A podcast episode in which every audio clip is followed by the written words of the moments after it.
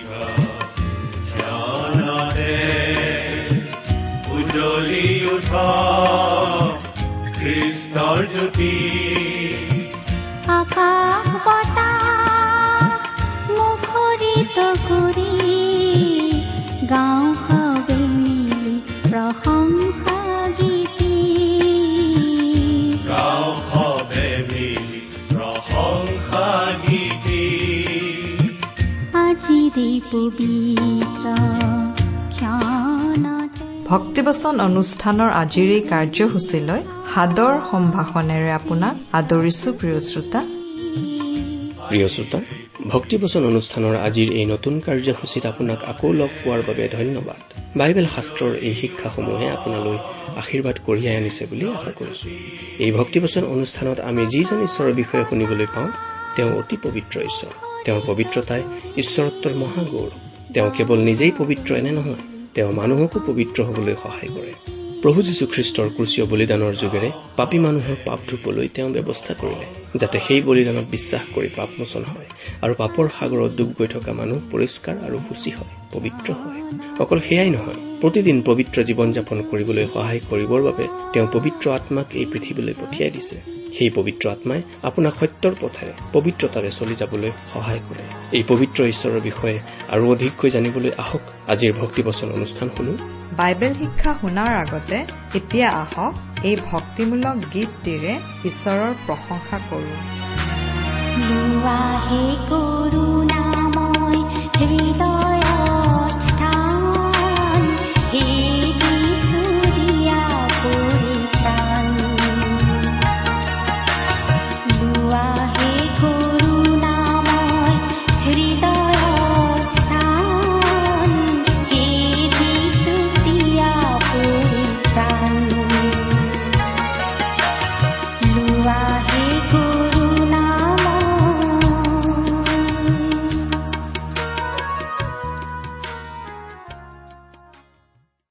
আমাৰ পৰম পবিত্ৰ প্ৰভু যীশুখ্ৰীষ্টৰ নামত নমস্কাৰ প্ৰিয় শ্ৰোতা। আশা কৰো মহান পিতা পৰমেশ্বৰৰ মহান অনুগ্ৰহত আপুনি ভালে কুশলে আছে। আপুনি বাৰু আমাৰ এই ভক্তিবচন অনুষ্ঠানটো নিয়মিতভাৱে শুনি আছেনে? শুনি কেনে পাইছে আমালৈ চিঠি লিখি জনাবচোন। আহকচোন আজিৰ বাইবেল অধ্যয়ন আৰম্ভ কৰাৰ আগতে খন্তেক প্ৰাৰ্থনাত মূৰ দুৱাওঁ। স্বৰ্গত থকা অসীম দয়ালু পিতৃ ঈশ্বৰ তোমাৰ মহান নামৰ ধন্যবাদ কৰো। তুমি সৰ্বশক্তিমান সৰ্বব্যাপী সৰ্বজ্ঞানী ঈশ্বৰ হৈও আমাৰ দৰে ক্ষুদ্ৰ মানৱক যে ইমান প্ৰেম কৰা সেই কথা ভাবিলেই আচৰিত হওঁ। তুমি আমাক ইমানেই প্ৰেম কৰিলা যে আমাক পৰিত্ৰাণ দিবলৈ তুমি তোমাৰ একেজাত পুত্ৰ যীশুখ্ৰীষ্টকেই আমালৈ দান কৰিলা। তেওঁ ক্ৰুচত নিজৰ পবিত্ৰ তেজেৰে আমাৰ পাপৰ প্ৰাচিত্য কৰিলে। আজি তেওঁত বিশ্বাস কৰি আমি অনন্ত জীৱন লাভ কৰি তোমাক পিতৃ বুলি মাতিব পৰা হৈছো। তাৰ বাবে তোমাক অশেষ ধন্যবাদ পিতা। এতিয়া আমি তোমাৰ মহান বাক্য বাইবেল শাস্ত্ৰ অধ্যয়ন কৰিবলৈ ওলাইছো প্ৰাৰ্থনা কৰিছো। তোমাৰ বাক্য তুমিয়েই আমাক বুজাই দিয়া। এই অনুষ্ঠান শুনি থকা আমাৰ মৰমৰ শ্ৰোতাসকলক তুমি উপচি পৰাকৈ আশীৰ্বাদ কৰা। কিয়নো এই প্ৰাৰ্থনা আমাৰ মহান ত্ৰাণকৰ্তা মৃত্যুঞ্জয় প্ৰভু যীশুখ্ৰীষ্টৰ নামত আগবঢ়াইছো। আমেন।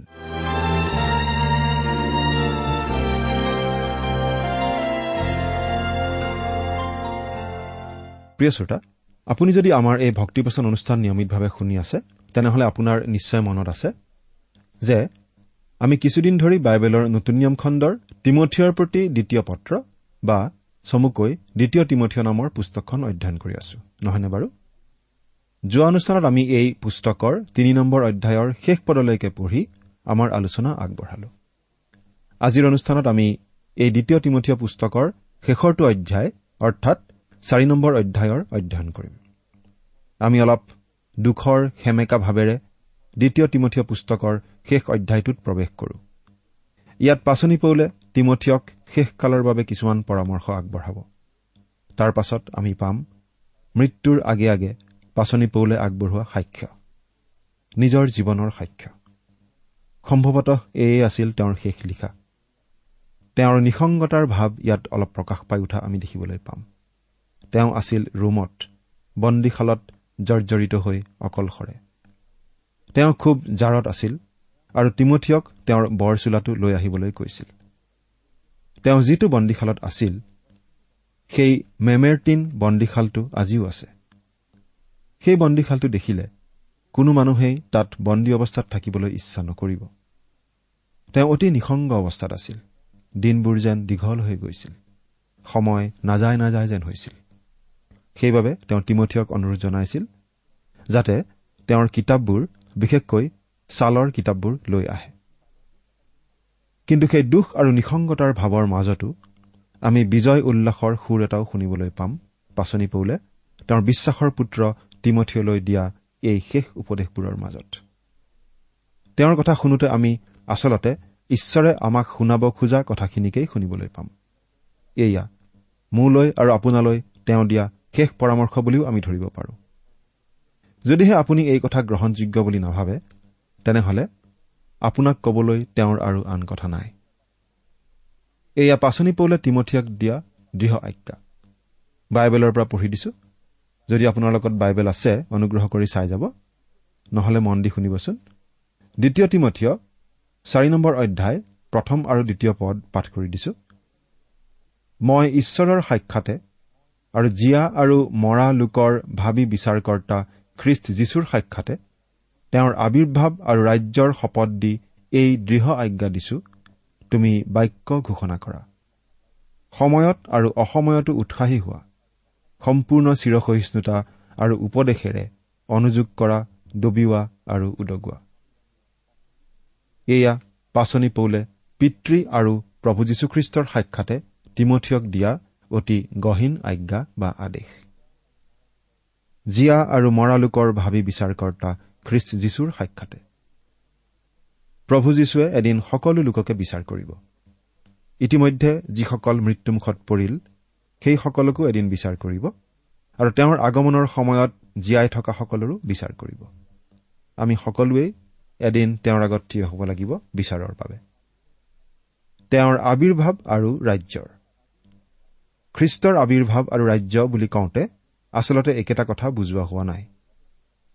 তেওঁৰ আৱিৰ্ভাৱ মানে হৈছে এই পৃথিৱীৰ পৰা খ্ৰীষ্টীয় বিশ্বাসীসকলক উঠাই লৈ যাবলৈ অহা তেওঁৰ আৱিৰ্ভাৱ এই আৱিৰ্ভাৱটোক আমি এপিফেনি বুলি কওঁ। তেওঁ প্ৰকৃত খ্ৰীষ্টীয় মণ্ডলীক পৃথিৱীৰ পৰা যেতিয়া উঠাই নিব তেতিয়া বাকী মানুহবোৰে গমেই নাপাব।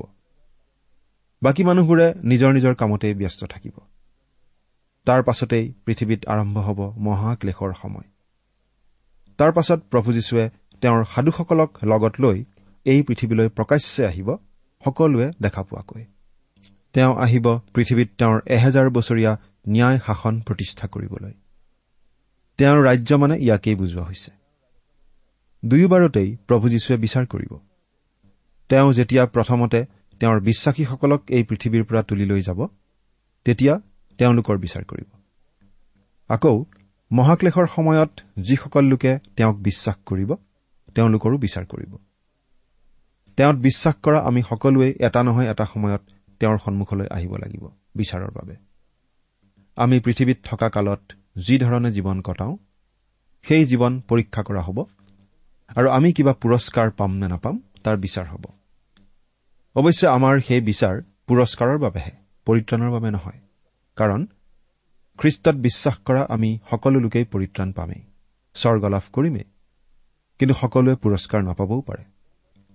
পৌলে তিমঠিয়ক আচলতে মনত পেলাই দিছে যে হে তিমঠিয় এদিন তোমাৰ জীৱনটো প্ৰভু যীশুৱে বিচাৰ কৰিব। সেই কথা মনত ৰাখি তুমি মই কোৱা মতে কাম কৰা। মই কোৱা এই কাম কৰা। পৌলে তিমঠিয়ক দিয়া এই আজ্ঞা আজিৰ দিনতো খাটে। প্ৰতিজন খ্ৰীষ্টীয় বিশ্বাসীৰ বাবেই। আজি এই সময়ত ঈশ্বৰে আপোনাক আৰু মোক এই কথা কৈ আছে। পৌলে তিমঠিয়ক কৈছে তুমি বাক্য ঘোষণা কৰা বাক্য প্ৰচাৰ কৰা বাক্য বিলাই দিয়া বাক্য জনাই দিয়া। এইটো যেন এটা বিশেষ শ্লোগান আজি আমাক দিয়া হৈছে বাক্য ঘোষণা কৰা। বাক্য মানে ঈশ্বৰৰ বাক্য প্ৰভু যীশুৰ শুভবাৰ্তা। প্ৰভু যীশুৰ শুভবাৰ্তা বিলাই দিয়া প্ৰতিজন খ্ৰীষ্টীয় বিশ্বাসীৰে দায়িত্ব আৰু কৰ্তব্য। সময়ত আৰু অসময়তো উৎসাহী হোৱা। অৰ্থাৎ সকলো সময়তে ঈশ্বৰৰ বাক্য বিলাই থাকিবলৈ কোৱা হৈছে। কোনোবাই যদি আপোনাক মাজনিশা জোৰকৈ টোপনিৰ পৰা উঠাই দিয়ে তেতিয়াও আপুনি প্ৰভুৰ বাক্য বিলাবলৈ সাজু থাকিব লাগিব। ইয়াতে আমি এটা কথা মন কৰা উচিত।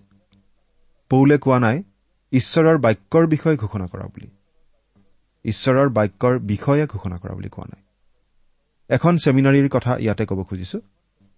এজন ছাত্ৰই এদিন এজন প্ৰফেচাৰৰ ওচৰলৈ গৈ ক'লে ছাৰ এই ছেমিনাৰীৰ পৰা আমি লগত বাইবেল নোহোৱাকৈয়ে পাছ কৰি যাব পাৰোঁ। প্ৰফেচাৰজনে আচৰিত হৈ সুধিলে কিয়? তেতিয়া ছাত্ৰজনে উত্তৰ দিলে কাৰণ আমি ইয়াত বাইবেলৰ বিষয়েহে পঢ়ো। বাইবেলখন দেখোন নপঢ়িলেই হয়। কিন্তু পাচনি পৌলে তিমঠিয়ক কৈছে তুমি বাক্য ঘোষণা কৰা। কেৱল মাত্ৰ বাক্যৰ বিষয়ে নহয় বাক্য ঘোষণা কৰা। এইখিনিতে আৰু এটা সৰু কথা কিন্তু মন কৰিবলগীয়া কথা আছে। পৌলে কোৱা নাই তুমি বাক্যৰ পৰা ঘোষণা কৰা বুলি। তেওঁ কোৱা নাই যে শাস্ত্ৰৰ পৰা এটা মাত্ৰ পদ উঠাই লৈ তাকে সজাই পৰাই এটা বক্তৃতা দিয়া বুলি।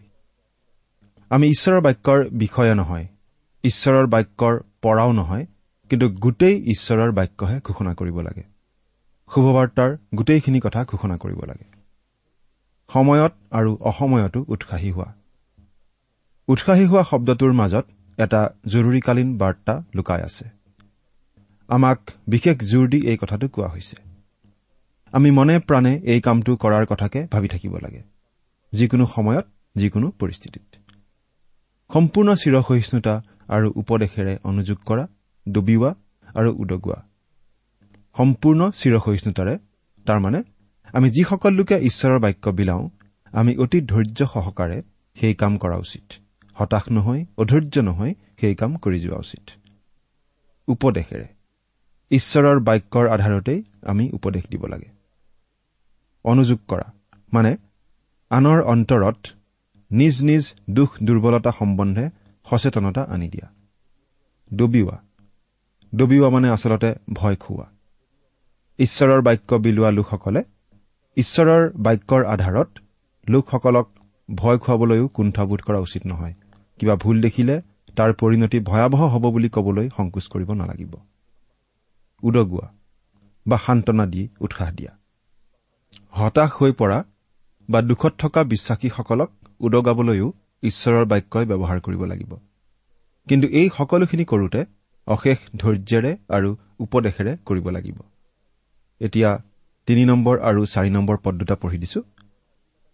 কিয়নো যি কালত মানুহবিলাকে নিৰাময় শিক্ষা সহন নকৰিব কিন্তু খজুওৱা কাণৰ মানুহ হৈ নিজ নিজ অভিলাষ অনুসাৰে নিজলৈ দমে দমে শিক্ষক কৰি ল'ব আৰু সত্যৰ পৰা কাণ ঘূৰাই গল্পকথাৰ নিমিত্তে অপথে যাব এনে কাল আহিব। যি কালত মানুহে নিৰাময় শিক্ষা সহন নকৰিব এনে কাল আহিব। এই অৱস্থা বাৰু আজি আমাৰ মাজত আমি দেখিছোনে? নিশ্চয় অলপ অলপ আমি দেখিব ধৰিছো। আজিও ঈশ্বৰৰ বাক্য শুনা মানুহ নিশ্চয় আছে। অলপো সলনি নকৰাকৈ হুবহু বাইবেলৰ পৰা কথা কোৱা শিক্ষকক সমাদৰ কৰা মানুহ আমাৰ মাজত এতিয়াও আছে। কিন্তু তেনেকুৱা মানুহৰ সংখ্যা দিনে দিনে কমি যোৱা আমি দেখিছো। কিন্তু আজি বেছিভাগ মানুহে নিয়ম ৰক্ষা কৰিবলৈ কিবা কিবি কথা কৈ পাল মাৰি থোৱা কিন্তু মনত আমোদ দিয়া শিক্ষককহে যেন ভাল পায় এনেকুৱা নালাগেনে? ঈশ্বৰৰ বাক্য শুনিব নোখোজে কাৰণ ঈশ্বৰৰ বাক্যই আমাক আমাৰ দুখবোৰ দেখুৱাই দিয়ে। আমাৰ প্ৰকৃত স্বৰূপ উদঙাই দেখুৱায়। মানুহে কেনেকুৱা শিক্ষকক বেছি ভাল পায়? কিন্তু খজুওৱা কাণৰ মানুহ হৈ নিজ নিজ অভিলাষ অনুসাৰে নিজলৈ দমে দমে শিক্ষক কৰি ল'ব।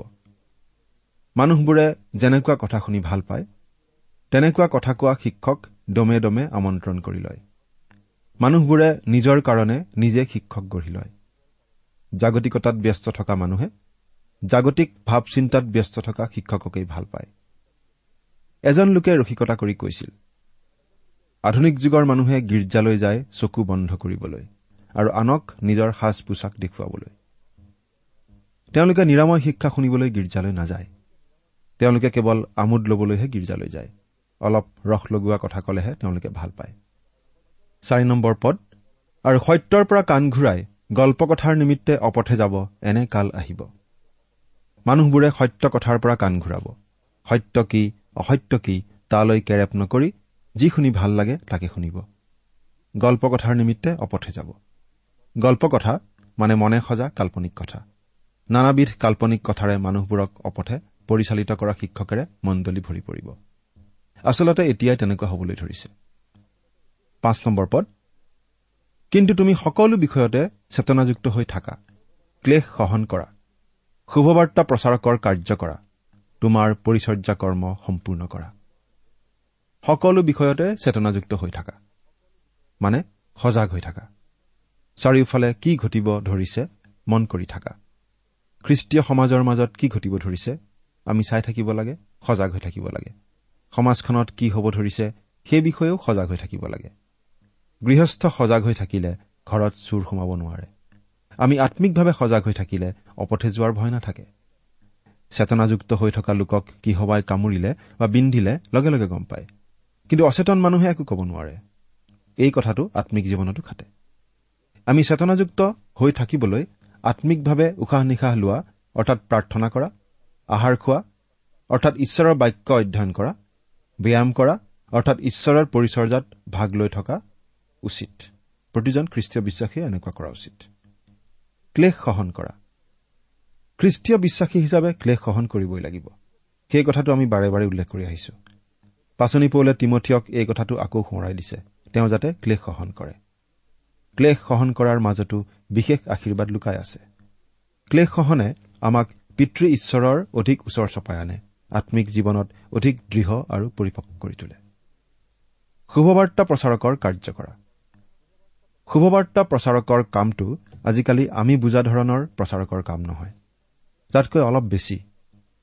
সেই সময়ত শুভবাৰ্তা প্ৰচাৰকজন আছিল ভ্ৰমণকাৰী পৰিভ্ৰমক প্ৰচাৰক এজন মিছনেৰী। পাচনি পৌলো তেনেকুৱা প্ৰচাৰক আছিল। বিভিন্ন ঠাই ঘূৰি ঘূৰি তেওঁ শুভবাৰ্তা ঘোষণা কৰি ফুৰিছিল।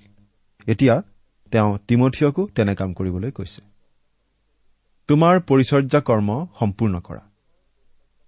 তিমঠিয়ক ঈশ্বৰে বাছি লৈছিল বিশেষ পৰিচৰ্যাৰ কাৰণে। আচলতে তিমঠিয় আছিল এজন পালক। সেয়া আছিল তেওঁৰ মূল পৰিচৰ্যা।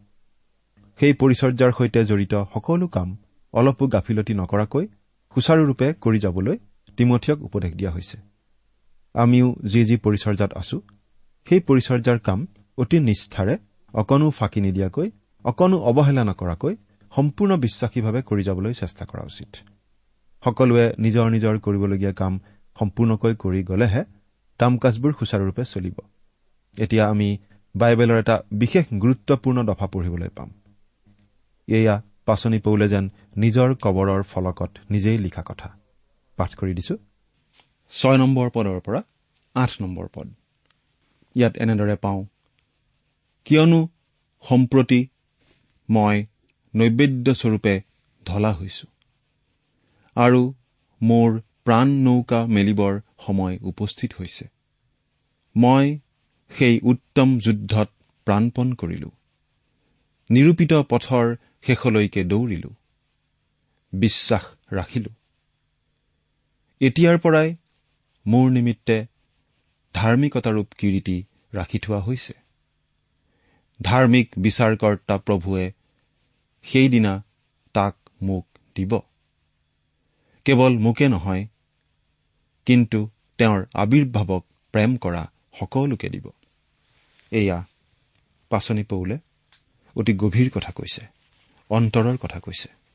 তেওঁ কৈছে কিয়নো সম্প্ৰতি মই নৈবেদ্যৰূপে ঢলা হৈছো। পাচনি পৌলে মৃত্যুৰ আগে আগে এই কথাখিনি লিখিছিল। পাচনি পৌলক শিৰচ্ছেদ কৰি মৃত্যুদণ্ড বিহা হৈছিল বুলি আমি পঢ়িবলৈ পাওঁ। তেওঁক ৰোমৰ বন্দীশালত ৰখা হৈছিল। আৰু সেই মৃত্যুদণ্ডৰ আগে আগে তেওঁ এই কথাখিনি লিখিছিল। পাচনি পৌলে জানিছিল তেওঁক শিৰচ্ছেদ কৰা হ'ব। কিন্তু তাকে তেওঁ ইয়াত নিজকে নৈবেদ্যৰূপে ঢলা হ'ব বুলি কৈছে। পেয় নৈবেদ্যস্বৰূপে তেওঁক ঢালি দিয়া হ'ব বুলি কৈছে। পাচনি পৌলে ফিলিপিয়া বিশ্বাসীসকললৈ এনেদৰে লিখিছিল কিন্তু তোমালোকৰ বিশ্বাসৰূপ যজ্ঞত আৰু সেৱাৰ কাৰ্যত যদিও মই নৈবেদ্যস্বৰূপে ঢলা যাওঁ তথাপি মই আনন্দ কৰো। এইবুলি আমি পঢ়িবলৈ পাওঁ ফিলিপিয়া দুই নম্বৰ অধ্যায়ৰ সাত নম্বৰ পদত। পাচনি পৌলে নিজৰ জীৱন নৈবেদ্যস্বৰূপে আগবঢ়াবলৈ ইচ্ছা কৰিছিল। আৰু এতিয়া ঠিক সেইদৰেই তেওঁলৈ ঘটিব ধৰিছে। এতিয়া আমি এই পেয় নৈবেদ্যনো কি বস্তু? এই কথাটো অলপ চাব খুজিছো। এই পেয় নৈবেদ্যৰ বিষয়ে আমি এনেদৰে পঢ়িবলৈ পাওঁ। যেতিয়া ঈশ্বৰৰ উদ্দেশ্যে কিবা জন্তু বা পশু এটা বলি দিয়া হয় তেতিয়া সেই বলিটো জুইত থকা অৱস্থাতেই তাৰ ওপৰত দ্ৰাক্ষাৰস বাকি দিয়া হয়। সেই দ্ৰাক্ষাৰস লগে লগে জুইত পৰি ভাপ হৈ উৰি যায় চকুত নপৰে।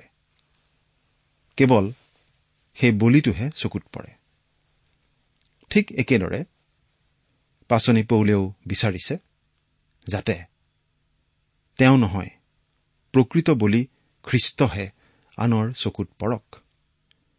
তেওঁ মাত্ৰ কেৱল সেই বলিৰ ওপৰত বাকী দিয়া পেয় নৈবেদ্যস্বৰূপ প্ৰিয় শ্ৰোতা পাচনি পৌলে নিজৰ জীৱনৰ এটা সাৰাংশ ইয়াত ব্যক্ত কৰা বুলি আমি ক'ব পাৰোঁ।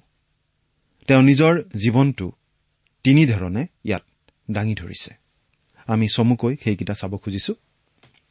প্ৰথমতে তেওঁ কৈছে মই সেই উত্তম যুদ্ধত প্ৰাণপণ কৰিলো। মই সেই উত্তম যুদ্ধত প্ৰাণপণ কৰিলো। সেই উত্তম যুদ্ধনো কিহৰ যুদ্ধ? সেই উত্তম যুদ্ধ হৈছে বিশ্বাসৰ যুদ্ধ ছয়তানৰ বিৰুদ্ধে যুদ্ধ। আৰু প্ৰতিজন খ্ৰীষ্টীয় বিশ্বাসীয়েই এই বিশ্বাসৰ যুদ্ধত প্ৰাণপণ কৰা উচিত। পাচনি পৌলে তিমঠিয়ক বিশ্বাসৰ উত্তম যুদ্ধত প্ৰাণপণ কৰিবলৈ বাৰে বাৰে উদগোৱা আমি পাই আহিছো। দ্বিতীয়তে পাচনি পৌলে এই বুলি কৈছে নিৰূপিত পথৰ শেষলৈকে দৌৰিলো। নিৰূপিত পথৰ শেষলৈকে দৌৰিলো। পাচনি পৌলে আগতেও এনেকুৱা এটা উপমা দিছিল যে এই জীৱনটো এটা দৌৰৰ নিচিনা। খ্ৰীষ্টীয় জীৱনটো এটা দৌৰৰ নিচিনা। দৌৰৰ শেষত পুৰস্কাৰ দিয়া হয়। তেওঁ কৈছে যে পুৰস্কাৰ লাভৰ অৰ্থে একান্ত মনে দৌৰা দৌৰবীৰৰ নিচিনাকৈ তেওঁ দৌৰিলে। অলপো ইফাল সিফাল নহয় প্ৰকৃত লক্ষ্য আগত ৰাখি তেওঁ দৌৰিলে। তৃতীয়তে তেওঁ নিজৰ বিষয়ে কি কৈছে? তেওঁ কৈছে বিশ্বাস ৰাখিলো। বিশ্বাস ৰাখিলো। যি বিশ্বাসেৰে তেওঁ আৰম্ভ কৰিছিল সেই বিশ্বাসত তেওঁ থিৰে থাকিল। তেওঁত যি বাক্য ঈশ্বৰে গতাই দিছিল সেই বাক্য তেওঁ সযতনে ৰাখিলে আৰু তাকেই ঘোষণা কৰি গ'ল। তেওঁ জীৱনৰ একেবাৰে শেষ সময়লৈকে। তাৰপিছত তেওঁ কৈছে এতিয়াৰ পৰাই মোৰ নিমিত্তে ধাৰ্মিকতাৰূপ কিৰিটি ৰাখি থোৱা হৈছে। প্ৰিয় শ্ৰোতা পাচনি পৌলে দৃঢ়ভাৱে বিশ্বাস কৰিছিল যে তেওঁ প্ৰভু যীশুৰ পৰা কিৰিটি লাভ কৰিব পুৰস্কাৰ হিচাপে। কাৰণ তেওঁ বিশ্বাসী হিচাপে পৰিচৰ্যা কৰ্ম কৰিলে। যি কাম কৰিবলৈ তেওঁক দায়িত্ব দিয়া হৈছিল যি কাম তেওঁৰ ওপৰত ন্যস্ত কৰা হৈছিল সেই কাম তেওঁ অতি বিশ্বাসেৰে অতি নিষ্ঠাৰে সম্পন্ন কৰিলে। গতিকে তেওঁ প্ৰভুৰ পৰা সেই কিৰিটি পাব বুলি দৃঢ়ভাৱে বিশ্বাস কৰিছিল। তেওঁ কৈছে ধাৰ্মিক বিচাৰকৰ্তা প্ৰভুৱে সেইদিনা তাক মোক দিব। কেৱল মোকেই নহয় কিন্তু তেওঁৰ আৱিৰ্ভাৱক প্ৰেম কৰা সকলোকে দিব। প্ৰতিজন খ্ৰীষ্টীয় বিশ্বাসীৰ জীৱন এদিন প্ৰভু যীশুৱে বিচাৰ কৰিব আৰু যোগ্যজনক তেওঁ পুৰস্কাৰ দিব। পৰিত্ৰাণ অৱশ্যে প্ৰতিজন বিশ্বাসীয়েই পাব কিন্তু পুৰস্কাৰ সকলোৱে নাপাব। প্ৰভু যীশুৰ আগমনক প্ৰেম কৰা সকলোৱেই সেই পুৰস্কাৰ পাব। কাৰণ প্ৰভু যীশুৰ বাধ্য হৈ চলা লোকসকলেহে প্ৰভু যীশুৰ আগমন সোনকালে হোৱাটো কামনা কৰে বা তেওঁৰ আগমনক প্ৰেম কৰে। গতিকে প্ৰভু যীশুৰ আগমনক প্ৰেম কৰা লোক মানে আচলতে উচিত ৰূপে খ্ৰীষ্টীয় জীৱন যাপন কৰা লোক আৰু এনে লোকেই খ্ৰীষ্টৰ পৰা পুৰস্কাৰ লাভ কৰিব। প্ৰিয় শ্ৰোতা আপুনি বাৰু প্ৰভু যীশুৰ যে দ্বিতীয় আগমন হ'ব সেই কথাটোলৈ আগ্ৰহেৰে বাট চাই আছেনে? তেওঁৰ আগমনক আপুনি প্ৰেম কৰেনে? আপুনি বাৰু বিচাৰেনে যে প্ৰভু যীশু এতিয়াই আহক? এবাৰ চিন্তা কৰি চাওকচোন। আমি বাৰু প্ৰভু যীশুৰ আগমনৰ বাবে নিজকে সাজু কৰি ৰখা উচিত নহয়নে?